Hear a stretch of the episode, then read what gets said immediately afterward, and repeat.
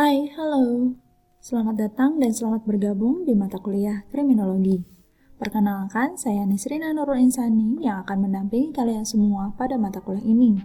Mata kuliah Kriminologi merupakan mata kuliah wajib program studi pendidikan kewarganegaraan dengan dosen pengampu adalah Profesor Dr. Dasim Budiman MSI dan saya sendiri Nisrina Nurul Insani.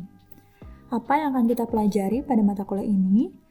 Kriminologi merupakan mata kuliah yang membahas secara komprehensif mengenai kejahatan, dengan ruang lingkup yang meliputi bagaimana kejahatan itu dapat terjadi, siapa pelaku kejahatan, mengapa seseorang melakukan kejahatan, bagaimana hubungan antara pelaku dan korban kejahatan, juga mempelajari berbagai teori kriminologi.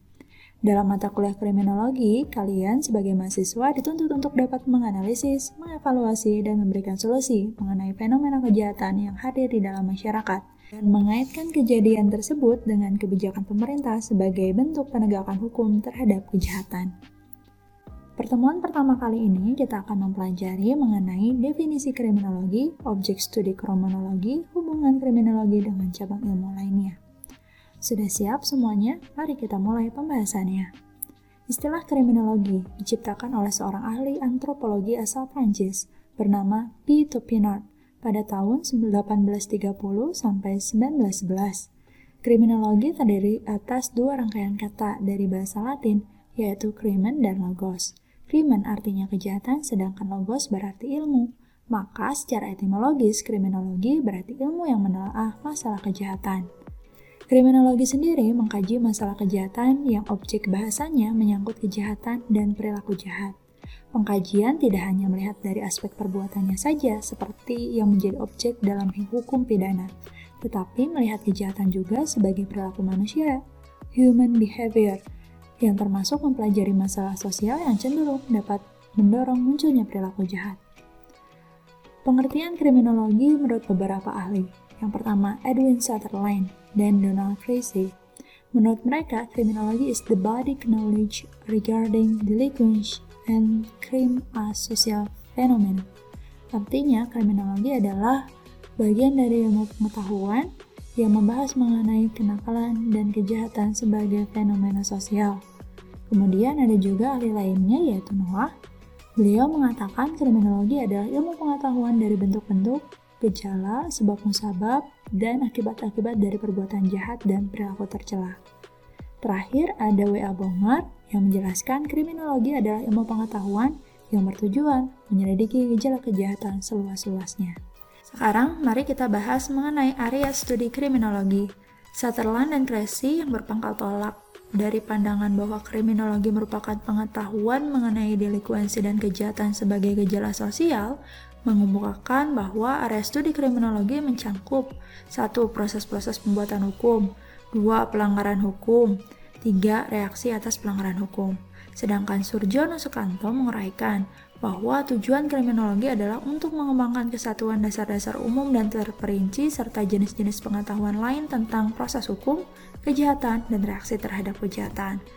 Pengetahuan ini diharapkan akan memberikan sumbangan bagi perkembangan ilmu-ilmu sosial guna memberikan sumbangan bagi pemahaman yang lebih mendalam mengenai perilaku sosial itu sendiri.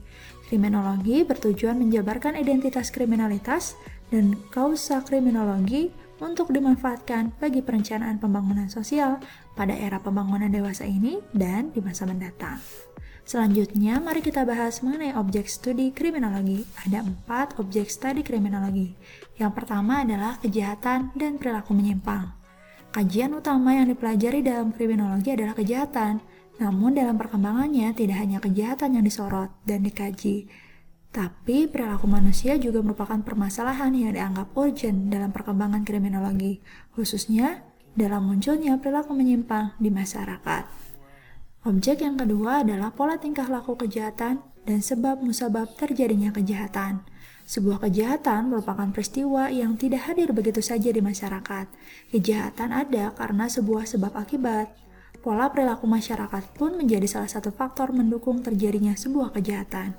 Berdasarkan hasil Kongres PBB tentang Prevention of Crime and Treatment of Offenders tahun 1990, terdapat beberapa faktor penyebab kejahatan, yaitu kemiskinan, pengangguran, rusaknya atau hancurnya identitas budaya asli, memburuknya ketimpangan-ketimpangan sosial, mengendurnya ikatan sosial dan keluarga, dan banyak hal lainnya.